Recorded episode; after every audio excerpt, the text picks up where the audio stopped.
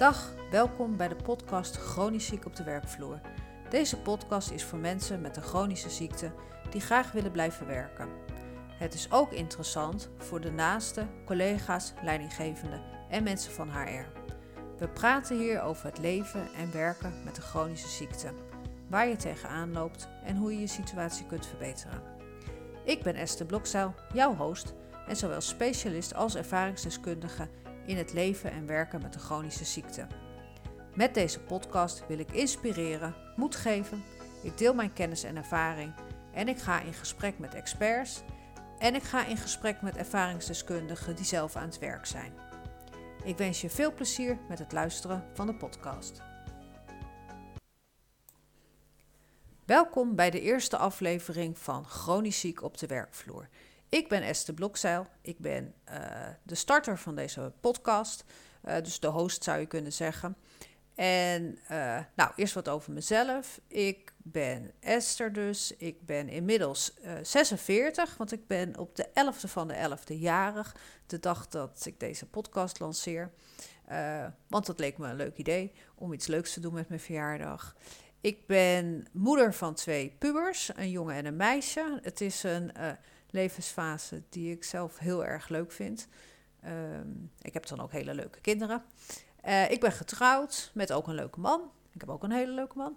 En ik woon in het midden van het land. Ik heb een achtergrond in human resources, loopbaancoaching, vitaliteits- en leefstijlcoaching. Uh, ik heb veel gedaan op het gebied van verzuim. Dus het werk wat ik eigenlijk altijd gedaan heb, ligt op het snijvlak van mens en arbeid, zou je kunnen zeggen. En dat is, ja, ik ben daar gewoon heel enthousiast over. Ik vind dat heel erg leuk. Ik haal er heel veel voldoening uit. Dus ik hoop dat ook nog heel lang te mogen doen. En uh, ja, wat voor mij eigenlijk de aanleiding was om met de podcast te beginnen. Ik wilde graag met iets positiefs beginnen. Ik had zin uh, in iets nieuws. Uh, nou ja, iets wat een positieve bijdrage kan leveren. En ja, ik merk gewoon dat het soms voor ons, ons mensen met een chronische ziekte, best lastig is. Uh, ja, het is niet zo dat je heel makkelijk een baan krijgt of een baan houdt. Dat wil ook nog wel eens een obstakel zijn. Dus ik dacht, ik begin met een podcast zodat we mensen kunnen inspireren. dat wij ook graag mee willen doen. En dat we graag onze waarde willen toevoegen. Dat we graag aan het werk blijven, zolang als dat mogelijk is natuurlijk. Ik kan gelukkig nog steeds werken en ik hoop ook dat, uh, nou, dat ik dat vol kan houden tot ik met pensioen ga. Ik doe er in ieder geval heel veel aan om uh, ja, zo fit mogelijk te blijven en aan het werk te blijven. Want werk is voor mij gewoon belangrijk en ik haal daar heel veel ja, voldoening uit en geluk uit. En ja, het is voor mij uh, een toegevoegde waarde om te werken. Dus dat hoop ik zo lang mogelijk vol te houden. Nou, en met deze podcast wil ik iedereen daartoe inspireren. Um, nou, een andere aanleiding om de podcast te gaan maken is dat uh, ja, ik toch heel graag een bijdrage wil leveren. Uh, voor mensen met een chronische ziekte om zo gelukkig mogelijk te kunnen werken en te kunnen leven. Daarvoor deel ik inspiratieverhalen van andere mensen met een chronische ziekte die werken, zodat je daar ja, wellicht wat van leert, maar in ieder geval geïnspireerd door raakt. Ik hoop dat het je moed geeft. En het is ook een manier om uh, bedrijven, werkgevers uh, nou, te inspireren om mensen met een chronische ziekte aan het werk te houden, um, om ons ook aan te nemen, om het gesprek aan te blijven gaan en misschien ook wat meer out of the box te denken. Nou, ik denk dat het uh, leuk is om je even mee te nemen in mijn verhaal. Ik ben uh, eigenlijk van de ene op de andere dag plotseling ziek geworden. Het was 21 april 2016, het was op een donderdag. En uh, ja, ik weet het nog goed. Ik reed uh, met mijn gele kaartje naar uh, Schiedam toe, want daar zat het hoofdkantoor voor de organisatie waar ik toen voor werkte. Ik moest daar een sollicitatietraining geven, want ik was ja, onderdeel van het begeleiden van een reorganisatie, zeg maar. En terwijl ik die training gaf, keek ik een beetje. Ja, ik had op een gegeven moment. Ik keek naar een medewerker en ik dacht. Kijkt die medewerker nou zo raar of kijk ik nou raar? En toen keek ik naar andere medewerker, dacht ik ook, het ziet er toch een beetje raar uit. Ja, en na die training liep ik dat, uh, die vergaderzaal uit. En ik voelde me ook een beetje wankel en dergelijke. Ja, mijn collega vroeg ook of het wel goed met me ging. Ik dacht, nou, ik denk dat het verstandig is als ik uh, naar huis ga. En toen ik buiten kwam, toen zag ik dat ik dubbel zag. Dus ik zag uh, ja, eigenlijk twee nummerborden in plaats van één. En dat was wel heel beangstigend. Dus ja, ik ben toen naar huis gereden zo snel mogelijk. Nou ja, niet zo heel snel, want ik ben een beetje achter een vrachtwagen blijven hangen. Maar ik ben wel naar huis gereden. Dat was achteraf natuurlijk niet echt een heel verstandig besluit. Uh, maar op dat moment was ik toch in een soort van paniekstand. En ik had maar één gedachte in mijn hoofd en dat was hoe kom ik zo snel mogelijk naar huis. Nou, thuis uh, heb ik de laptop weer opengeklapt en ben ik weer verder gaan werken. Want ja, we zouden de volgende dag op vakantie gaan. En ik dacht maar één ding: ik heb mijn werk nog niet af, dus ik moet mijn werk afmaken. Nou, op een gegeven moment toen, uh, toen belde mijn leidinggevende met de vraag of het wel goed ging. Want ja, ik was blijkbaar in een mailtje een beetje kort geweest. En uh, ja, toen drong het tot me door dat het echt niet heel erg goed met me ging. Dus uh, ja, uiteindelijk heb ik voor de volgende dag uh, een afspraak gemaakt bij de huisarts. En nou ja, dan gaat het balletje zeg maar rollen. de huisarts heeft toen gebeld met een neuroloog. En ik mocht daar een week later kon ik daar terecht. Dus ik moest wel een week wachten. Dus we zijn wel gewoon op vakantie gegaan. En toen, toen ik bij die neuroloog kwam, toen was haar eerste conclusie dat ik een steriele infectie had. Dat ik vooral dat niet mocht googelen. En dat ik door een MRI heen moest. Nou, daar zat een behoorlijke wachttijd op in die tijd. Dus ik moest een week of drie, vier wachten, geloof ik. En uh, ja, uiteraard ga je wel googelen. Maar ja, daar werd ik niet zo heel veel wijzer van, want een steriele infectie, daar vind je niet heel veel hits op. En toen uh, ja, begon het wachten eigenlijk. En ja, dat is heel raar, want ik dacht ik moet weer aan het werk. Maar ja, dat kon helemaal niet, want ik keek heel raar uit mijn ogen. En het werd steeds erger, het werd ook niet minder. En nou ja, dat googelen, dat leverde op zich wel iets op. Want ik kwam zelf tot de conclusie dat het naar mijn idee maar twee dingen konden zijn. Dat was of de ziekte van Lyme of MS. En uh, ja, ik had het daar met mijn moeder over gehad en het zit in mijn familie, dus dat leek wel waarschijnlijk te zijn. Nou ja, goed, toen heb ik die MRI gehad en toen kwam ik weer bij die neuroloog. En de neuroloog die bevestigde inderdaad dat het om MS ging. Ja, dat was natuurlijk best wel heftig nieuws. En uh, ja. Ja, nou ja, dat is het dan. Hè? Dus ja, ik kreeg dan een uh, stootkuur prednison, omdat hij... Het was dus een oogontsteking wat ervoor zorgde dat ik dubbel zag. En ja, dat moest natuurlijk tot rust gebracht worden. En dan is een standaard procedure eigenlijk dat je een prednison stootkuur krijgt. Nou, kan je wel vertellen, dat is echt killing voor je conditie. Dus ik was inmiddels in een soort van ja, gebakje veranderd. Uh, ik had echt geen conditie meer. En uh, ik was al weken afhankelijk van vrienden en familie die mijn kinderen naar school brachten, want dat kon ik niet zelf. Dus het was wel echt een hele heftige periode. Nou, met dat nieuws van de neuroloog dacht ik, nou, wat kan ik hier zelf aan doen? Dus ik ben uh, heel erg op onderzoek uitgegaan. En ik stuitte al vrij snel op het werk van George Jelinek. George Jelinek is een Australische professor die zelf MS heeft. En toen hij ziek werd, heeft hij eigenlijk ja, al het wetenschappelijk onderzoek wat hij kon vinden op een rijtje gezet. En hij heeft daar een leefstijl uit gedestilleerd die bestaat uit een specifiek dieet. Uh, het supplementeren met vitamine D en natuurlijk gewoon naar buiten gaan. Maar ja, in de winter krijg je daar niet genoeg vitamine D voor aangemaakt. Uh, bewegen, meditatie slash mindfulness, medicatie. En ook dat het belangrijk is om het te voorkomen in je familie.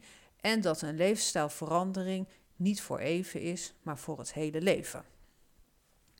Dus ik heb dat boek gelezen en uh, Overcoming MS heet dat boek. En ik dacht, nou, dat lijkt me wel wat. Uh, laat ik dat met de neuroloog bespreken. Dus bij mijn volgende afspraak met mijn neuroloog heb ik dat uh, ter sprake gebracht. En de neuroloog zei: Nee, nee, nee, nee, daar gaan we helemaal nog niet aan beginnen. Uh, we gaan eerst wachten tot je nog een aanval krijgt. Nou, dat maakte mij echt ontzettend kwaad. Want ik was nog aan het herstellen van de eerste aanval. Uh, die oogzenuwontsteking, dat dubbelzien, driedubbelzien, was net een beetje aan het opknappen. En uiteindelijk heeft ze mij daar een heel groot cadeau mee gegeven. Want ik werd zo ontzettend kwaad dat er genoeg energie vrijkwam om daadwerkelijk die leefstijlveranderingen in te gaan zetten. Dus ik ben daar direct na dat consult mee begonnen en ik ben daar nooit meer mee gestopt. Dus ik heb toen op dat moment mijn leefstijl radicaal omgegooid. Uh, ja, en dat doe ik nog steeds. En het resultaat daarvan is dat ik al vrij snel merkte dat mijn energie toenam. Want ik was echt vreselijk, vreselijk moe. Uh, maar dat, ja, we eten gewoon best wel veel rotzooi in Nederland. En doordat ik veel cleaner ging eten, nam mijn energie toe. Uh, het bewegen werd een vast onderdeel van mijn werk. Dus dat is iets waar ik uh, ja, ook veel tijd aan besteed heb. Tijd aan besteed heb. Nou ja, en uh, vrij vlot nadat ik daar zeg maar aan begon, moest ik ook gaan reïntegreren. Ja, en dan word je wel opeens echt wel met je neus op de feiten gedrukt. Want ja, dan moet je naar kantoor of je mag naar kantoor. Ik, heb echt, ik had in die tijd echt hele lieve collega's. Heb ik overigens nog steeds. Uh, maar ik had, het was, die zijn zo lief voor mij geweest tijdens die periode dat ik ziek thuis was. Ik ben echt overspoeld met kaartjes en alles. Uh, maar het moment dat je dan je collega's weer onder ogen komt, is wel een heel moeilijk moment. Want je voelt je toch, ja, je hebt een diagnose gekregen die niet misselijk is. Ja, en in mijn hoofd was het in ieder geval zo dat ik dacht dat iedereen me zielig zou vinden. En ook dat mensen wel dachten: gelukkig heb ik het niet. Uh, ja, maar ik weet niet of dat zo was. Dat heb ik eigenlijk nooit goed gevraagd. Maar ik weet wel dat dat in mijn hoofd uh, ingewikkeld was allemaal. Ik vond reïntegreren dan ook echt het moeilijkste wat ik ooit in mijn leven heb moeten doen. Want het verschil tussen wat je met je hoofd wil, van wat je gewend bent, en tussen wat je op dat moment kan, is echt heel erg groot. En uh, ja, ik vond het heel ingewikkeld. Uh, ja, je mag wat werkzaamheden doen. Maar het zijn niet de dingen waar je per definitie het meeste plezier uit haalt. Of wat je het leukste vond in je werk. Ja, echt heel ingewikkeld. Heel ingewikkeld. Nou ja, in ieder geval hè, is het uiteindelijk gelukt hè, om te reïntegreren. En ja, tegen die tijd dat ik gereïntegreerd was, liep ook mijn arbeidscontract af bij die organisatie. Dus dat is uh, ook niet verlengd. Uh, en uh, nou ja, ik kwam gelukkig snel aan een nieuwe opdracht via een ondernemer waar ik al eerder een acquisitiegesprek had gehad. En hij was ook op de hoogte. Ik had van hun ook bloemen gehad. Dus dat was echt heel fijn dat ik, dat ik daar in een nieuwe opdracht terecht kon. en, met name omdat ze op de hoogte waren van de situatie. En ik had, doordat ik mijn leefstijl zo had omgegooid en me eigenlijk veel beter voelde dan voordat ik ziek werd, dacht ik van nou, dit is wel echt iets heel magisch. Uh, daar moet ik meer van weten. Dus dat is de aanleiding geweest dat ik de opleiding ben gaan doen tot uh, leefstijlcoach en leefstijltrainer, vitaliteitscoach, vitaliteitstrainer. Uh, en ja, wat daar gebeurt is dat je niet alleen met leefstijl aan de gang gaat of daar meer kennis over opdoet. Je gaat ook zelf door de wasstraat. Dus het is een veel breder verhaal dan uh, alleen leefstijl. Het gaat ook over zingeving, het gaat over mindset, het gaat uh, ja, ook over je overtuigingen. Nou, het is een heel breed scala waar je mee aan de slag gaat. En ik denk dat dat voor mij heel goed is geweest, of ik weet dat het voor mij heel goed is geweest, want ik had best wel veel beperkende overtuigingen die niet per se heel gezond waren. Uh, nou, daar heb ik veel uh, veranderingen in aangebracht, met als resultaat dat het leven een stuk relaxer is geworden en dat ik wat minder moet en wat meer mag. Ehm, dus ja, het, is, het heeft meer ontspanning gebracht. Dus ik zou wel kunnen zeggen dat de kwaliteit van leven erg verbeterd is. Ehm, wat ook wel weer gek is, omdat ik natuurlijk ook wel hinder ondervind van de MS. Maar al met al is er in ieder geval meer levensvreugde, meer plezier, meer aandacht voor uh, de leuke dingen ook in het leven. Ook meer aandacht om te zorgen dat we dat doen, ook als gezin, maar ook met vrienden. Um, dus ja, dat is uh, wel iets wat het me ook heeft opgeleverd. Nou ja, wat ik in ieder geval uh, heb gedaan nadat ik weer vo ja, volledig. Ik werk geen 40 uur. Dat heb ik overigens ook niet gedaan nadat de kinderen zijn geboren. Uh, maar ik werk in principe weer gewoon uh, de uren die ik wil werken. Ehm, ja, en tegenwoordig werk ik dus nog steeds op het snijvlak van arbeid en mens. Ik heb een eigen programma ontwikkeld ook ehm, voor mensen met een chronische ziekte die graag aan het werk willen blijven. Dat programma dat staat op mijn website www.esterblokzaal.com. Mocht je denken van goh, ik wil eens even kijken wat dat is. Um, ja, en wat als je vraagt van goh, wat is nou belangrijk om goed aan het werk te blijven, dan staat eigenlijk met stip op één dat je moet zorgen dat je je leefstijl op orde brengt, dat je uh, echt gezond gaat leven. Nou, daar, gaan we op ga ik met andere podcasts nog wel verder op in. Uh, want daar kan je heel veel over vertellen. Maar dat is in ieder geval heel belangrijk. Het is heel belangrijk dat je goede zelfzorg hebt. Dat je je grenzen goed kunt bewaken. Dat je ze ook goed kunt aangeven. Uh, dat je ze zelf goed in de smiezen houdt. Dat je ook in je omgeving mensen hebt die aan de bel trekken op het moment dat ze zien dat het misschien even wat minder met je gaat. Het is belangrijk dat je ontdekt wat je nu verlangt van het leven. Dus je weet nu dat je een chronische ziekte hebt. Wat is echt belangrijk voor je? Um, voor mij was een van de belangrijkste dingen die ik heel graag wilde, was ik wilde graag met mijn kinderen in staat blijven om sportieve activiteiten te doen. He, zoals gewoon lekker door het bos struinen, mountainbiken met de kinderen, een keer klimmen. Uh, nou, dat heb ik gelukkig allemaal bereikt. Uh, maar daar heb ik, dat was voor mij wel de vliegmotor of het vliegwiel om die leefstijl in te zetten. Uh, dat was echt zo'n grote intrinsieke motivatie. Want mijn kinderen waren toen de tijd nog heel klein. En ik dacht, ja, ik wil gewoon, als ze straks zelf goed kunnen fietsen, wil ik gewoon met hun een keer kunnen mountainbiken. Dat vond ik vroeger als kind zelf zo leuk. Nou, en een aantal jaar terug hebben we dat gedaan op de Utrechtse Heuvelrug. Hebben we een hele middag gemountainbiked en dat was echt super cool. En nou, ik kon wel janken toen ik het had gedaan, want ja, ik had gewoon dat doel bereikt. En dat was echt wel heel gaaf. Um, ja, dus die leefstijl is belangrijk. Ik, ik uh, ging even weg van uh, de, de, rode draad, zeg maar. Uh, dus leefstijl belangrijk. Ontdek wat je verlangt in het, van het leven. Dus ook hè, hoe wil je al je rollen invullen. je bent niet alleen werknemer of ondernemer of werkgever, maar je bent ook misschien partner van, zoon of dochter van moeder, vader van, vriendin van, buur van. Dat zijn allemaal rollen die je, die je hebt. En ja, het kan zijn dat hoe je dat nu invult en hoe je dat in de toekomst wilt invullen, dat dat verandert. Uh, dus het is belangrijk om te kijken naar het hele palet van het leven, niet alleen naar werk. Want ja, het is toch belangrijk om daar een balans in te vinden.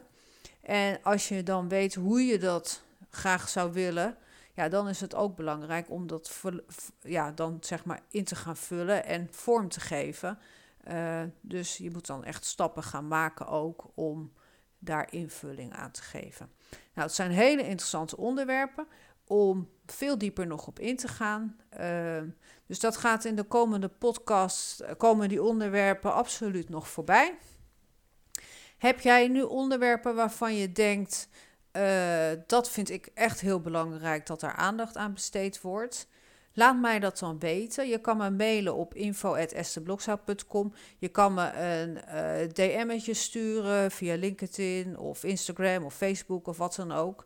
Uh, mijn contactgegevens die zijn uh, overal wel vindbaar. Dus ja, schroom niet en neem contact met me op. Wil je een keer met mij ergens over praten?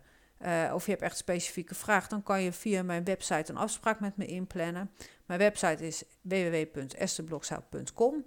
En ik hoop dat, uh, dat ik je heb aangezet om, als je niet happy in je vel zit, om daar iets aan te doen. Door aan de slag te gaan. Ja, en wat ik zeg, wil je erover sparren, neem gewoon even contact met me op. En uh, ik hoop dat je ook naar mijn volgende podcast luistert. Nou, tot de volgende keer. Dankjewel. Bedankt voor het luisteren naar de Chronisch Ziek op de Werkvloer podcast. Is er iemand die baat kan hebben bij de podcast? Stuur deze dan door. Klik op de volgknop en je bent altijd op de hoogte wanneer er een nieuwe podcast online komt. Geef de podcast een review op iTunes of Spotify. Heb jij een vraag, een onderwerp of iemand die je graag in de podcast zou willen horen? Stuur mij dan een DM'tje via info.esteblokzaal.com, een berichtje via LinkedIn of Insta. Nogmaals, heel erg bedankt voor het luisteren en tot de volgende keer.